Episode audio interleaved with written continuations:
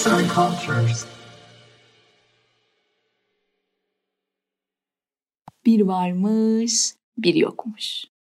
Bir anne serçe ve onun birbirinden güzel dört yavrusu varmış. Serçe yazın sıcak günlerinde yavrularını büyütüyormuş.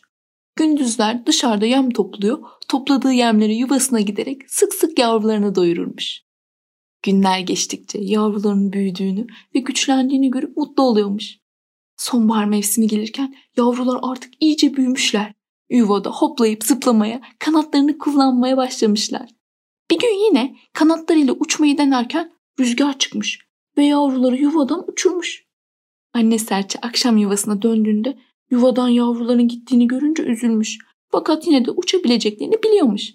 Hayatı dair nasihatler veremeden, onlarla doya doya vedalaşamadan gittikleri için çok üzülmüş. Kış mevsimi geldiğinde anne serçe yem aramak için tarlalarda dolaşırken yanına doğru uçan dört küçük serçe görmüş. Yavrularını hemen taşıyan serçe onlarla bol bol hasret gidermiş. Ve onlara nasıl yaşadıklarını sormuş. Anlatmaya önce en büyük yavrusu başlamış. Önceleri bahçelerde yaşayıp solucanla karnımı doyurdum. Daha sonra kirazlar olurken kiraz yedim. Ardından armutlarla beslendim. Karnım hiç aç kalmadı. Anne serçe, ay yavrum bu hayat çok tehlikeli ve zordur. Başkasına ait olan şeylerle yaşamaya çalışanın başına kötü şeyler gelebilir. Daha sonra ikinci yavru anlatmaya başlamış. Ben de bir konağın yakınlarında yaşadım. Zenginlerin atıklarını, ahırdaki hayvanların yemlerinin kalıntılarını topladım. Karnım her zaman doydu. Hem de çok güzel yemeklerle. Anne serçe, yavrum, zenginlerin yanında yaşamak iyidir. Ama zenginlikle birlikte küçülme de aynı yerde olur. Bu hayat çok tehlikelidir demiş. Sonra üçüncü yavrusu anlatmaya başlamış. Ben yol boylarında yaşadım.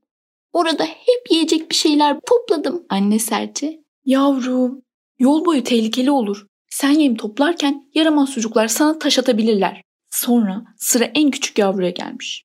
Anne, ben ormanda kaldım. Ağaçların dalları arasında yuva yaptım.